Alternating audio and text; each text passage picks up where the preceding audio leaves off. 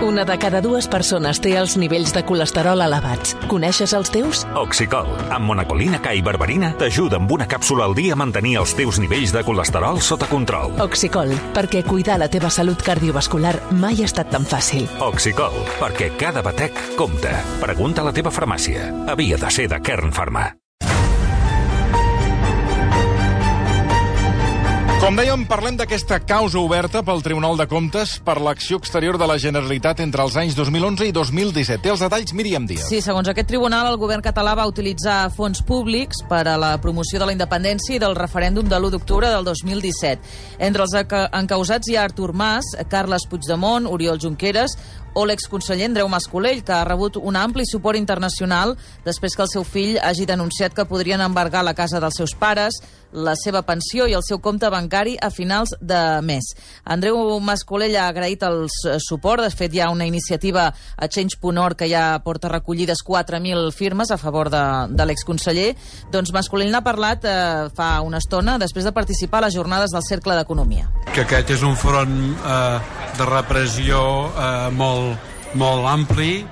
Segurament el que em fa diferent a mi i d'altres és que tinc... Eh, és que tinc fills d'Amèrica que es mouen uh, però enfatitzo uh, uh, soc un de soc un de 39 Rafael Entrena és advocat expert en el Tribunal de Comptes i lletrat d'alguns encausats en aquest procediment, com per exemple l'expresident de la Generalitat Artur Mas.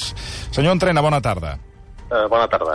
Vostè ens ha demanat no parlar sobre els clients, a qui representa, per no intercedir en el procediment, tot i que sí que pot parlar sobre aquesta causa en general i és el que farem per, eh, per explicar doncs, què és, eh, de què va i de què es tracta. Abans de res, si li sembla, eh, expliqui'ns què és el Tribunal de Comptes. Per què aquest no és un òrgan judicial? A què es dedica aquest tribunal i de qui depèn? Bé, el Tribunal de Comptes té dues uh, funcions. Uh, D'una banda, la Constitució li atorga el caràcter de òrgan fiscalitzador suprem dels comptes i de la gestió econòmica de tot el sector públic espanyol, tant administració de l'Estat com autonòmica com ajuntaments. També fiscalitza els comptes dels partits polítics, però a més a més, eh, que és el que estem parlant ara, exerceix una jurisdicció pròpia i especial, que és la jurisdicció comptable. I, i però actuen de, de, de, de motu propi, és a dir, ningú els hi demana. Sí, és una jurisdicció especial, com el Tribunal, de, com el tribunal eh, Constitucional. Sí. O sigui, no forma part del Poder Judicial, però poden dictar sentències en l'àmbit de les seves competències. Podria ser com una mena d'audiència nacional?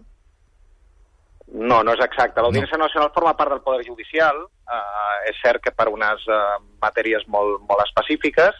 Insisteixo, és una jurisdicció especial que està a, la, a banda del, del Poder Judicial, però que pot dictar sentències i aquestes poden ser recorregudes després al Tribunal Suprem. I qui forma eh, part del Tribunal de Comptes? I com s'escullen aquests eh, membres? Qui són? Pues els consellers de Comptes són eh, designats per, per les Corts, sis pel Congrés i sis pel Senat, en majoria de tres cinquenes parts, per un període de 9 anys. I són o professors universitaris, o advocats, o economistes, o magistrats, però no tenen per què ser magistrats. I, i aleshores aquest, vostè deia que aquest tribunal actua per iniciativa pròpia o fa falta algun que interposi una demanda? A veure, de, depèn. Eh, la, la, el més habitual és que les actuacions jurisdiccionals deriven de les actuacions de fiscalització del propi tribunal. És a dir, la secció de fiscalització fa un informe o audita unes comptes d'una administració pública o d'un ens públic i detecta unes irregularitats. I aquestes irregularitats es passen a la secció d'enjudiciament per si s'aprecien indicis de que es diu alcance eh, o malvertament de capitals públics. També poden venir d'altres òrgans eh, autonòmics, com per exemple la Sindicatura de Comptes eh, pot instruir una fiscalització i passar-ho al Tribunal de Comptes, o poden venir per denúncies de particulars, de persones o empreses, en exercici de l'acció la, pública comptable. I en la causa que ens ocupa, mm, eh, ha estat, eh, en fi, eh, és a dir, qui ha generat aquesta, aquesta causa? Ha estat el aquesta mateix tribunal? Dues, o... Aquesta causa té dues potes. Una, que ja es va fer la primera liquidació provisional, que és la de les vinculades amb la despesa, vinculat amb l'1 d'octubre, en sentit estricte, que això eh, va venir de la sentència del Tribunal Suprem, i, i, en, i en aquest cas concret de l'acció exterior deriva d'aquest d'un informe de fiscalització dels exercicis 2011-2017, si no recordo malament, sí, sí, sí. en el que s'arriben, hi ha una sèrie de conclusions i s'entén que hi ha una sèrie de fets que poden ser constitutius d'infracció comptable. Vostè diu que aquest procediment hi ha una situació d'indefensió. Per què ho diu, això? Bueno, hi ha, hi ha situació d'indefensió en aquest cas i hi ha situacions d'indefensió de manera ordinària en tots els procediments del Tribunal de Comptes. M'explico. D'entrada hem de deixar clar que en aquest, en aquest moment no estem en una fase jurisdiccional, eh, no ha començat el judici, sinó una fase prèvia. Aquesta fase prèvia té com únic objectiu determinar unes responsabilitats provisionals en quanties i en persones responsables per tal d'establir unes garanties per lo que pugui determinar el futur judici. Que d'això se'n deriva un possible embargament de béns si no es presten les garanties. Llavors, entrant en concret ja en el tema de la indefensió, hi ha indefensió per diversos motius. D'una banda, perquè, com és habitual, hi ha un procediments que triguen anys de, fiscalització o de tot el procediment anterior en el que els afectats no se'ls crida i no tenen audiència, de tal manera que la primera notícia que tenen és quan se'ls cita per la liquidació provisional, que en aquest cas tindrà lloc el 29 d'aquest mes. Sí. I, i d'una altra banda, eh, hi ha indefensió perquè et criden aquesta liquidació provisional però no se t'informa ni dels fets que s'imputen, ni de les infraccions que s'atribueixen, ni de la possible conseqüències econòmiques de tot això. És a dir, simplement se't dona trasllat una documentació i, y es diu, oiga, usted está vinculado o está presuntamente vinculado con esta documentación. Hágame alegaciones. Clar, has de fer al·legacions absolutament a cegues. O sigui, això no passa en cap procediment judicial ni en cap procediment administratiu. Si tu també en la proposta de resolució, per dir alguna molt, molt, molt habitual, no? d'una infracció de trànsit, doncs et diran, escolti, el fet que l'imputo és que tal dia ha superat el, la, la, el límit de velocitat en aquest punt concret, això pot ser una infracció de tal, i proposem una sanció X. Això no passa. O sigui, tu has de fer unes eleccions sense saber ben bé de què t'estan imputant. Això que ja és complicat en tots els procediments del Tribunal de Comptes, ho és molt més en aquest cas perquè el volum de la documentació és una cosa absolutament eh, ingovernable. Sí, perquè eh, ens consta que el Tribunal de Comptes ha fet un expedient amb 18.000 documents i vostè diu que sí. van estar unes 10 hores per poder-se'l descarregar. Això és, és normal? És una manera no. normal de procedir? No, no, no. Eh, és important subratllar la paraula document, que no vol dir folis. O sigui, cada, cada document té moltes pàgines. Eh? Eh, no, no, el volum és absolutament ingovernable. De fet, nosaltres vam recórrer la, la citació per la liquidació perquè dèiem que per la realitat és que no hi ha temps eh, material per, per examinar tota la documentació ni exercir el dret de defensa i, i no, ni és habitual, eh, és molt difícil per les, per les parts, per els advocats, però també és molt difícil de governar eh, pel propi tribunal. A vostès els han citat, com deia, el proper dia 29 al Tribunal de Comptes. Què passarà aquest dia? Què, què, de, de, de, què, què, és, què és el que es farà? Què passarà? Pues, com és eh, habitual en aquests casos, eh, quan arribi, quan, eh, quan comença el procediment, és en aquell moment quan per primera vegada donen trasllat de la proposta de liquidació provisional, eh, amb un document en què ja s'han analitzat les al·legacions presentades i normalment et donen pues, tres quarts d'hora, mitja hora, tres quarts, perquè tu llegeixis, i en aquell moment, sense més temps de preparació mm, ni possibilitat de consultar cap document, és quan de paraula has de formular al·legacions complementàries. Quan acaben aquestes al·legacions, eh, es dona resposta eh, per part de la delegada instructora perquè faci, es faci una idea. En l'altra liquidació vam estar informant de 9 del matí a 4 i mitja de la tarda sense interrupció i ens van despatxar en 5 minuts.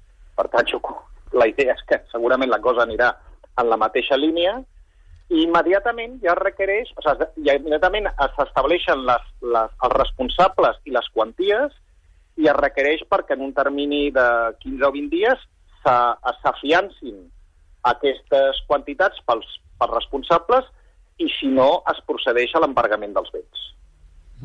Jo li volia preguntar si d'aquestes 39 persones afectades eh, a, a totes se'ls notificarà eh, algun embargament o d'aquestes algunes podrien sortir el dia 29 sense cap eh, mena de... Algunes podrien sortir... Bueno, jo espero i desitjo que algunes podrien eh, sortir perquè realment la... Eh, insisteixo, no hi ha hagut una imputació formal, però sí que hi ha alguna atribució de responsabilitats fetes una mica a l'engròs. O sigui, hi, hi ha persones que, que, que no no van actuar, no tenen vinculació en cap eh, actuació amb conseqüències econòmiques o no estaven eh, en el període en què estaven eh, en un càrrec determinat no, no es van dur a terme aquestes eh, actuacions. O sigui, jo confio en que hi hagi, hi hagi una moderació, però home, segurament és més una, una idea optimista per part meva que, que una conseqüència de la meva experiència uh, en aquests casos. Mm. Estem parlant amb Rafael Entrena, advocat expert en el Tribunal de Comptes i lletrat d'alguns dels encausats. Um, aquí hi ha una qüestió que ha cridat l'atenció i és que um, aquest Tribunal de Comptes ha assenyalat 39 persones per suposades despeses relacionades amb el procés independentista, però fins i tot hi ha una consellera del Tribunal, Maria Dolores Genaro Moya, que està en contra d'aquest procediment. Això ho va indicar en el seu vot particular a l'informe de fiscalització que va eh, posar en marxa aquestes investigacions. Eh, deixem preguntar-li què és el que diu aquesta consellera en el seu, en el seu vot eh, particular i quina força pot donar, els hi pot donar a vostès aquests arguments per poder presentar les al·legacions. Pues sí, la, la veritat és que el vot particular és, és molt dur. Amb l'informe de fiscalització diu que, que, uh, que aquesta és la clau, que en molts casos no s'aprecia una extralimitació en l'àmbit competencial de la Generalitat, perquè, perquè també això és important deixar-ho clar. És a dir, aquí no s'està, mm, a diferència d'altres casos habituals amb el Tribunal de Comptes, no es diu que hi hagi un, un alcance, una, malva, una malversació, sinó simplement que, que algú s'hagi quedat diners, que, no hagin que hi hagi despeses que no estan justificades. No, no, aquí el que es diu és que hi ha despeses que s'han fet eh, per fora de l'àmbit competencial de la Generalitat. La, la, la Generalitat de Catalunya té competències en acció exterior, però el que es diu que s'ha fet per sobre d'aquest marc competencial. Doncs bé, aquesta consellera diu que en molts casos no hi ha una extralimitació competencial, diu que en altres casos, ara us posaré un exemple que és molt, molt evident, que un viatge o activitat només es considera regular com a conseqüència de que un cop acabat l'acte es fan unes declaracions eh, de caràcter polític i fins i tot recull fins a 52 activitats que simplement són declaracions polítiques, ideològiques o expressions que no tenen cap transcendència comptable o econòmica. No? Uh, home, nosaltres uh, uh, ens dona força que una, que una magistrada, de, una consellera, perdó, del propi tribunal i, evidentment, experta en la matèria, uh, faci aquestes apreciacions, però, bueno, la qüestió és que, de fet, el, el, el procediment tira cap endavant, no? I, I jo crec que és més que probable que arribem a judici. Um, per tant, difícil de que canviïn d'opinió en aquest primer, en aquest primer pas i aquest primer tràngol. Uh... És difícil, és difícil, però també et dic que com, com, com deia abans, la, és tan voluminós que, que jo crec que han entrat en un jardí que també que és molt complicat de gestionar per ells. És a dir, i, i, i això hauria de condicionar. O sigui, hi ha casos que són tan clars que jo veig molt difícil que en una futura sentència es puguin mantenir. Uh, en la línia de lo que deia, hi ha un viatge, per exemple, per posar un exemple que crec que és molt evident, hi ha un viatge uh, que fa el president Mas uh, als Estats Units a uh, inaugurar una planta de... Uh, una fàbrica de, de grífols, on hi ha, hi, ha, hi ha una constància de la seva inauguració, sí. que hi ha el secretari de Salut Pública dels Estats Units, que hi ha dinars amb empresaris catalans, que hi ha... Eh, crec que en una altra fase del, del viatge també se'n va proposar una, a unes instal·lacions de Codorniu, i torna, el president Mas torna a, a Catalunya, eh, torna a Espanya abans perquè va precisament a la presa de possessió del rei Felip VI. I va a la presa de possessió, assisteix al, a la desfilada i a, i a la recepció. I a l'aeroport fa unes manifestacions a la premsa dient que, que de caràcter polític i només per aquesta declaració es considera que tota aquesta despesa del començament al final és una despesa irregular eh, que vulnera el marc competencial i que s'ha de rescabalar. Escolta, ja per acabar, perquè mm, eh, em consta i ens hem compromès a acabar abans de les 5. La campanya internacional de suport a un dels investigats en aquesta causa, eh, l'exconseller Andreu Mascolell, i la campanya de signatures que s'ha posat en marxa Change.org, vostè creu que pot tenir alguna repercussió entre els membres del Tribunal de Comptes o amb ells tant se'ls en fa? Miri, jo sincerament ho dubto. Jo crec que el Tribunal de Comptes ha demostrat eh, ser molt impermeable la crítica eh, en les seves actuacions. De tota manera, eh, pel que jo sé, s'han de, rebonar, de renovar eh, dintre de molt poc els, els consellers de comptes i és possible que hi hagi una nova sensibilitat o, o, o un tarannà diferent ja ho veurem. Eh, Perquè el, el, el, el, el, el, no crec que aturi, no, que, aturi eh, ja. que avanci aquest procediment. I una última qüestió, eh, perquè la, la ideologia, pel que sabem, eh, en fi, és, és més conservadora que progressista, no?, d'aquest tribunal? Bueno, si atenem a qui va proposar als diferents magistrats, eh, és evident que la majoria la va proposar una, una, un sector més conservador, si és així. Rafael Entrena, moltíssimes gràcies per acompanyar-nos. Ha estat un plaer. A vosaltres. Gràcies, bona tarda. Advocat expert en el Tribunal de Comptes i lletrat d'alguns dels acusats en aquest procediment, entre ells l'expresident de la Generalitat, Artur Mas. Míriam Díaz, ho deixem aquí. Fins demà. D'aquí 3 minuts, eh, més el butlletí horari de les 5, viatjarem fins a Sitges, on ens, espera, Ai, ai, ai. on ens espera la gent de la Cubana. Versió RAC 1 amb Toni Clapés.